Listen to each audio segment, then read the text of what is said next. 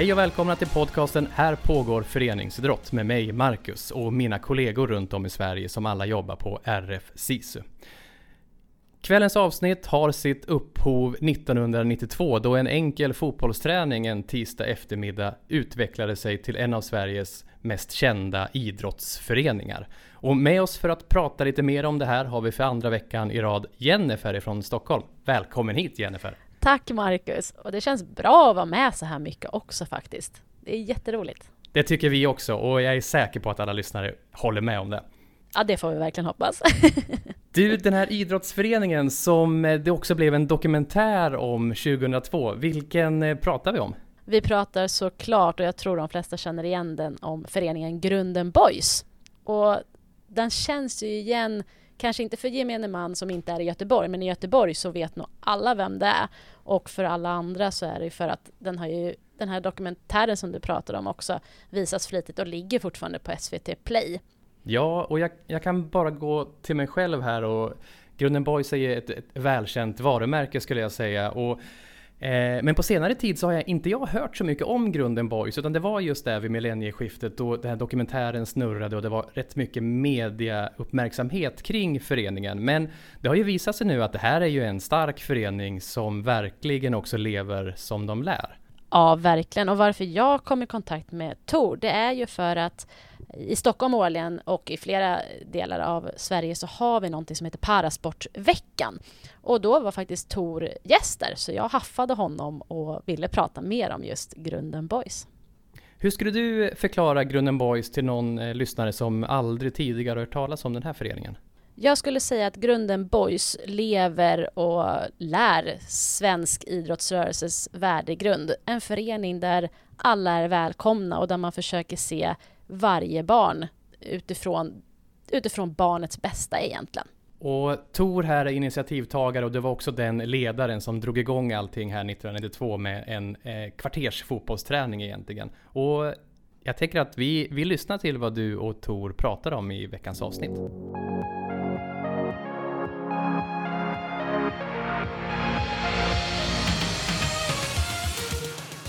Tor Guttormsen, välkommen Tor! Ja, men tack så mycket, tack så mycket! Och jag tänker att jag benämner dig som en av initiativtagarna av Grunden Boys, eller hur? Ja, det får man väl eh, säga att eh, jag var med från första sekunden 1992 faktiskt, fast vi bildade förening 2003. Men 92 startade vi och eh, ja, så är det. Jag har varit med hela resan där. Jag tänker nu, jag vet ju vad Grunden Boys är och du vet ju verkligen vilka Grunden Boys är, eller vilken, vad typ av förening det är. Men kan inte du berätta lite mer om, om Grunden Boys eller historien om Grunden Boys? Ja, nej men Grunden Boys då, eh, vi kom igång 92 faktiskt. För det var fem killar som tjatade och ville börja spela fotboll och då jobbade jag som fritidskonsulent i Göteborgs stad med att serva göteborgare med intellektuell funktionsnedsättning med fritidsverksamhet och semester helt enkelt. Och det gjorde jag ju och det var jättekul. Eh, men jag ordnade ingen idrott och så. Jag ordnade bingokvällar, trubadurkvällar, studiecirklar. Jag vet inte hur mycket studiecirklar människor gick då som hade funktionsnedsättningar. Men det var det de gjorde på sin fritid och jag tänkte inte faktiskt på att de skulle kunna idrotta trots att jag alltid har idrottat och varit mitt stora intresse och är fortfarande. Men det blev att de tjatade och till slut så fick jag ju vika mig för att överleva tjatet och säga okej, okay, vi kör. Och det gjorde vi en eftermiddag ute efter en eh, väg i Göteborg här som heter Delsjövägen mellan några hyreshus, en gräsmatta. Jag hade fyra kineshattar och en boll. Eh, och då körde vi där, de fem och jag.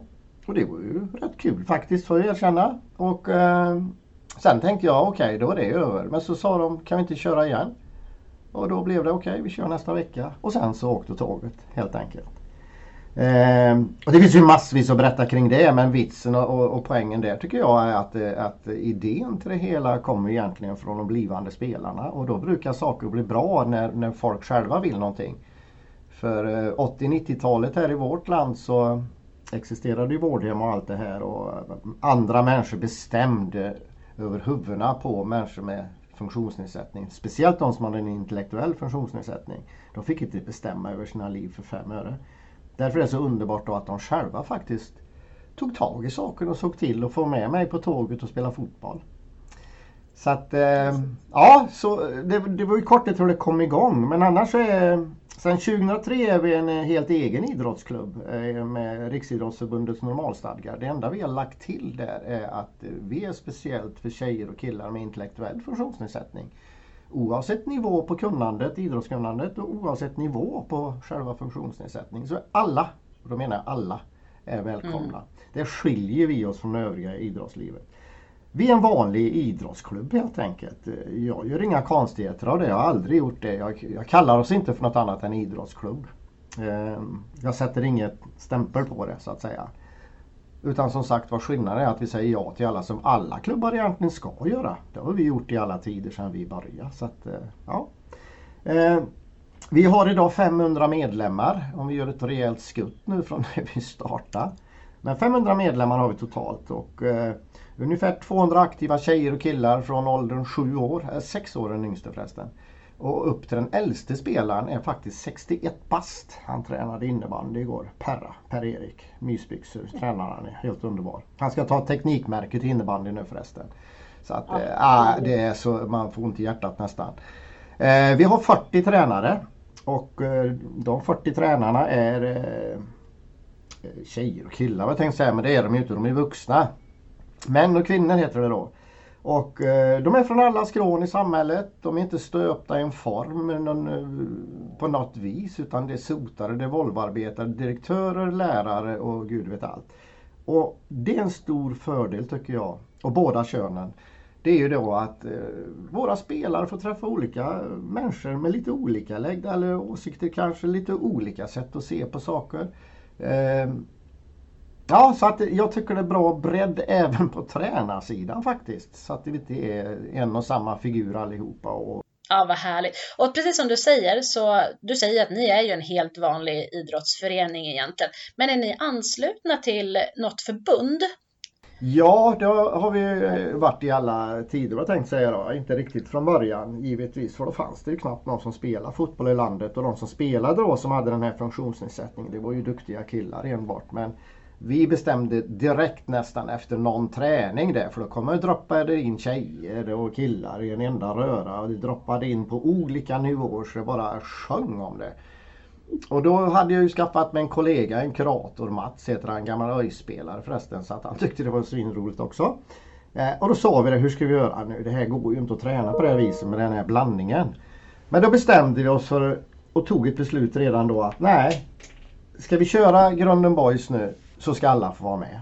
Vi kommer inte göra skillnad på om de är duktiga eller svagare i fotboll eller om de är tjej eller kille eller bakgrund eller ja, ingenting skulle stoppa för att vara med.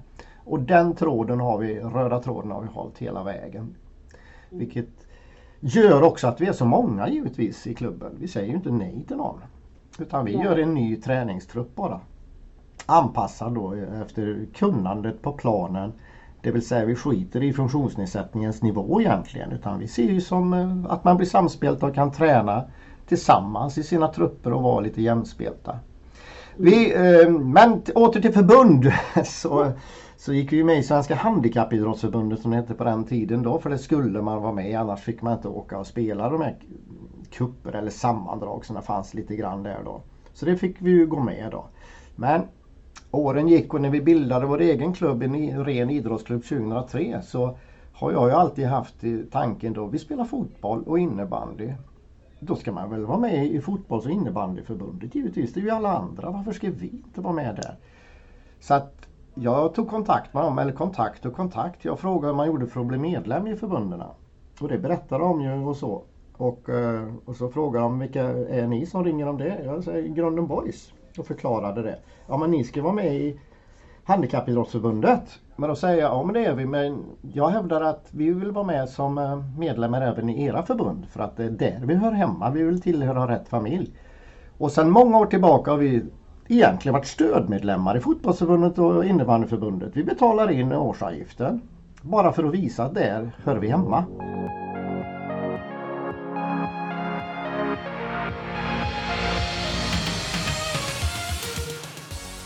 Och så nu, nu ställer jag väl kanske en lite ledande fråga på det vi redan pratar om. Men eran förening är ju ändå, den har ju fått så mycket, både hyllas och i media och många känner säkert igen er i media också. Den har varit med både i, i tv och sen ni har en egen dokumentärfilm som heter Grunden Boys på SVT Play och ni har gett ut böcker och tidningar och allting. Ni omnämns ju väldigt mycket. Och vad, vad skulle du säga, eller vad tror du är framgångsnycklarna med just Grunden Boys?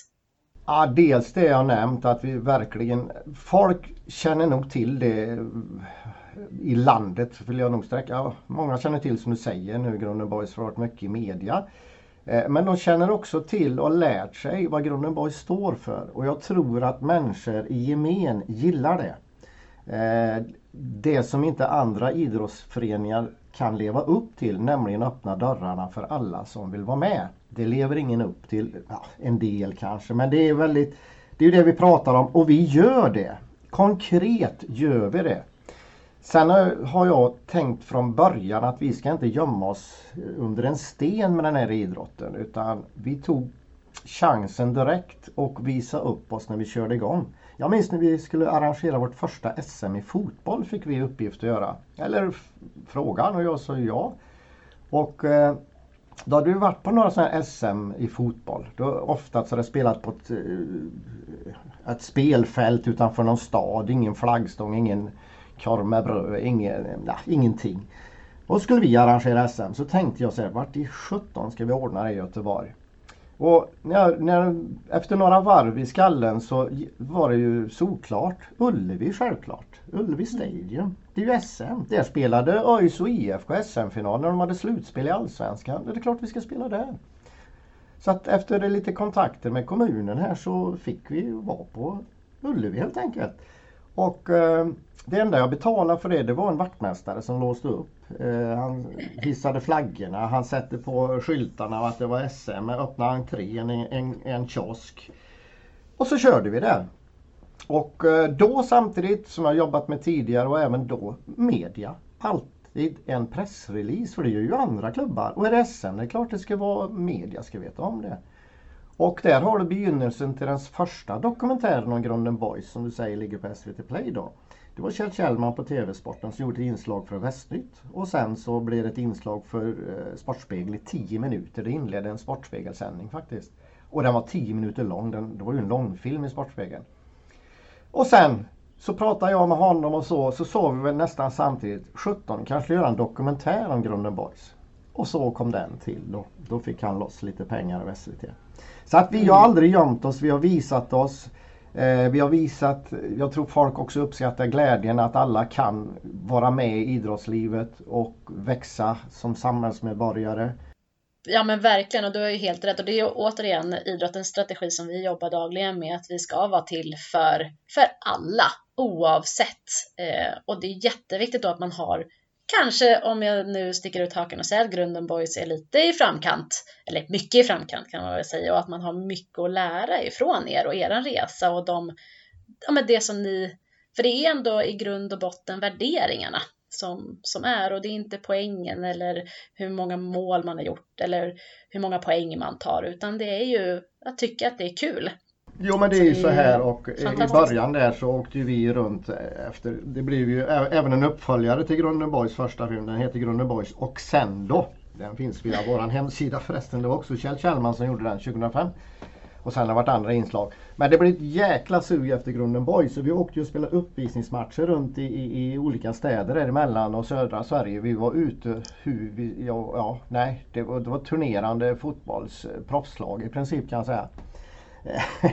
Och i början Häftigt. så spelade vi bara mot kändisar och lokala politiker då, typ i Nyköping och sånt där. Och det var jättekul. Men sen tänkte vi ett varv, men vänta nu, ska vi göra något nytta? Bara, inte bara glädje för de som kommer och tittar. Och boysarna får skriva autografer och annat och hamna i lokaltidningen. Utan eh, då begärde jag när vi, någon kommun eller stad ringde att ja men då får ni gå ut och ragga ett lag på gymnasiesärskolan eller ett liknande eller i gruppbostäder eller vart sjutton ni vill. Så möter vi det laget. Och mm. efteråt så ska vi ha en information efter matchen och då ska det bjuda in lokal media, fotbollsförbundet, eh, social och fritidsförvaltning, eh, politiker, journalister, alltså lokalpressen, eh, blivande spelare självklart och deras anhöriga och ja, du hör ju alla skulle vi vilja ha dit. Och så gjorde vi. Och på ja. väldigt många orter startar man fotbollen dagen efter i princip. Det är sådana här eh, solskenshistorier. Så där tog ja, vi ett bra grepp och, och gjorde nytta med det. För grejen är att Grunden Boys som var med här för våra killar och tjejer är ju en jättestolthet, självklart. Vi, de är jagade, vi är jagade varje dag nästan av några som vill göra inslag eller göra någonting. Men grejen som jag tycker att det är fler som har fått börja idrotta ute i landet tack vare att kanske, ja en stor del får jag väl säga, erkänna att det är Grunden Boys orsak. Och mm. en annan stor vinst med det är ju ungdomar eller vad ska vi säga folk utan funktionsnedsättning som faktiskt har tvättat bort lite dåliga attityder och tvättat bort fördomar. Man har en annan syn. Nu tycker man boysarna det är fan häftiga lirare ju. Det är häftiga människor. Så att det tror jag vi har lyckats med en väldigt viktig grej också. Ändra lite synsättet i samhället. Det låter storsvullet att säga så. Men det ser jag ju på våra sociala medier och andra kommentarer och, och hur man köper boyströjor i shoppen när någon fyller 50 år uppe i Kiruna. Och, eller vad det nu kan vara. Nej men alltså det, det, tror jag, det är en jättevinst för samhället helt enkelt. Ja, verkligen. Och där kan ju jag vittna om också nu, jag som jobbar på RFC, så vi har ju mycket utbildningar just Eh, tillsammans med Attention också en utbildning som heter Träna barn och ungdomar med, med funktionsvariationer, eller med MPF då som vi pratar pratar kring. Och de är ju nästintill fullbokade hela tiden för att växa, alltså, nu ska jag inte sätta intresset, men att vara en bra ledare generellt oavsett om man tränar barn eh, med eller utan funktionsvariationen så, så är det ju viktigt att vara en, vikt, en viktig punkt, eller vad man ska säga, i, i barnens utveckling också. Det är ingen skillnad att träna barn, bara att man kan veta att det gäller kanske att anpassa för, för vissa och vissa inte. Och det är väl det som är egentligen det goda ledarskapet på något vis också. Det säger ju du också, det spelar ingen roll. Man, man tränar ju och, och leker och har kul som vanligt, men man kanske får anpassa sig. Ja men det är det det handlar om. Det är det det handlar om. Jag menar vi har en knattegrupp alltså. Ja, sex år är väl den yngste som jag sa här, kanske upp till en tio. Det är 25-30 knattar och det är ju cirkus givetvis. Det är cirkus, men det är det för andra knattar också.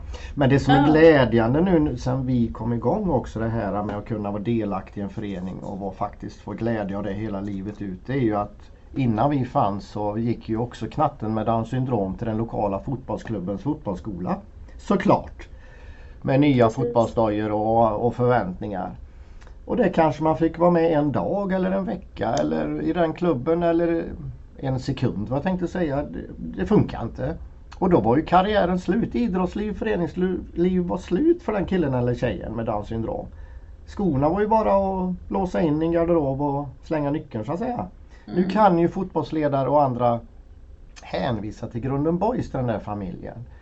Och familjen inser ju ofta också att nej, våran Pelle, det går inte för han snor konerna hela tiden för de andra knattarna. De kan inte, det funkar inte. Man kan få vara så ärlig också tycker jag. Att man inte prompt trycker på den lokala klubben. Ni ska, för ni ska hålla öppna dörrar för alla. Det är inte alla som det är ideella ledare och annat. Man kan inte ställa de kraven. Men då är man välkommen hit. Och här kan karriären fortsätta livet ut. Till och med som Per-Erik som är 61 då. Och han lär inte mm. ge sig än. Så att det betyder så oerhört mycket för samhället som man säger och familjer och allting. Och anpassa träningar, ja vad är det för konstigheter? Du måste ju anpassa det som jag säger. Har du knattefotbollsskola så kan du inte köra samma med Milan med Zlatan. Du får ju lägga till fler koner då. Så att det är inga konstigheter. Och lär känna din grupp. Vilka individer har du? Man säger att ja, man måste ju vara jätteduktig eh, och kunna ha funktionsnedsättningen och hit och dit. Men det är ju, du har 15 pers eller 20 i din träningstrupp. Du lär ju känna de individerna. Det handlar väl om, om bemötande och inkludering också såklart.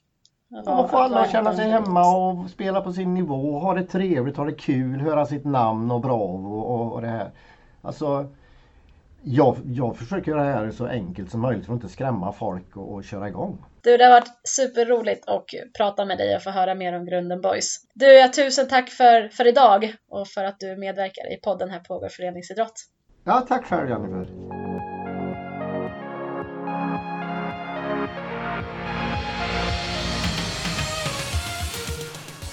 Ja, då är vi tillbaks i studion och Jennifer, tack så hemskt mycket för ett otroligt härligt samtal med Tor här. Eh, vad tar du med dig framförallt ifrån ditt samtal? Ja men tack själv till att börja med att jag överhuvudtaget får möjligheten att prata med sådana här människor. För att det är ju så uppfriskande och så härligt att höra utifrån det vi vet med idrottssverige att fler och fler slutar, eller inte slutar, men att vi, vi tappar våra barn och ungdomar. Och så finns det sådana här föreningar som eh, bara blomstrar och där ingenting är problem egentligen. Så det tar jag med mig väldigt mycket från, från samtalet med Tor och just hela konceptet Grunden Boys. Att det finns så mycket man kan göra om man bara har den inställningen egentligen. Ja, precis. Jag håller, jag håller absolut med där och tycker att jag har inte jobbat så nära parasporten här i, i vårat distrikt, men de jag har träffat, det känns som att parasporten bygger på de här eldsjälarna som, som har den här specifika personligheten att ingenting är omöjligt och kan gå lite längre kanske för att få till en bra verksamhet eller få till en verksamhet överhuvudtaget för den här målgruppen. Och det, det finns så mycket här att plocka det Tor säger och det jag kommer tänka på först är att förutom hans, hans sätt att vara och resonera, just att det här är ju också, det här är ju experter på marknads marknadsföring och marknadsföringsstrategier som innan egentligen Grunden Boys eh, grundades här 2003 och blev en idrottsförening så hade de redan fått ut en dokumentär som visades över hela Sverige på, mm. i Sveriges Television som rullar än idag på Play och att skapa den här uppmärksamheten och eh, allmänbildningen kring den här föreningen som förhoppningsvis har lagt till grund för flera föreningar att göra ungefär lika saker eller se att men bara man gör något, bara man försöker så kan man lyckas liksom. Ja, jo men verkligen, precis som du säger också, att det är ju inte bara att de utövar idrott för att ett, eh, några personer vill det här, utan det är ju så mycket mer och, och just det här med att de har ju också vunnit pris för att vara den här öppna föreningen. Eh, och bara det är ju ett litet statement eller en liten på något vis visa på att det funkar. Alltså det, det, här är liksom personer med samma viljor och samma glöd som vilken idrottsmänniska som helst. Oavsett idrott, om man vill spela fotboll eller om man vill hålla på med gymnastik eller dans. Så visar ju hela Grunden Boys på att det funkar med lite viljestyrka bara och en ett öppet sinnat ledarskap ska jag väl också säga. För där, det som vi pratar också om i, eller i vårt samtal är just det här med det här ledarskapet och det här liksom synen på, på våra barn och ungdomar. Det är ju inte specifikt för en viss målgrupp. Det är ju liksom för alla barn. Så kan man bara ha den synen så har man så mycket att vinna egentligen. Och någonting jag också tar med mig ifrån ert samtal det är den här diskussionen eller arbetet som pågår inom svensk parasport att mer och mer implementera sin verksamhet i alla andra specialförbund. Så eh, Tore är också inne på det här att han har aldrig tagit ordet eh, handikappidrottsförening som det hette tidigare eller parasportförening idag då i sin mun utan de är en fotbollsförening, innebandyförening, gymnastikförening som vilket som helst och de ser det som självklart att de ska vara anslutna till de specialförbunden för det är där de sysslar med. Det är inte parafotboll utan det är fotboll för den här målgruppen och alla, precis alla får komma eh, in i föreningen och vara med utifrån egna förutsättningar och vad man har för, för specifika behov där. Ja, precis. Och det är ju som sagt ett jättejobb som görs ute i hela eh, om vi säger Parasportförbundet just att de ska inkluderas i eh, de, de specialidrottsförbund som finns idag. För att det är som sagt, det är en idrott man nu utövar. Om det så är dans eller om det är fotboll eller, eller gymnastik så är det den sporten. Den är exakt likadan för, för alla som utövar den. Sen är det det här med anpassning, men det kan man ju göra i i ett sånt specialidrottsförbund och så finns Parasportförbundet som en sån stöttning egentligen. Så det är också ett, ett jätteviktigt statement för hela idrottssverige att vi försöker liksom in, inter, integrera idrotterna i där, i där de faktiskt hör hemma. Och med det så tackar jag dig Jennifer för eh, den här veckan och vi hörs snart igen. Det gör vi.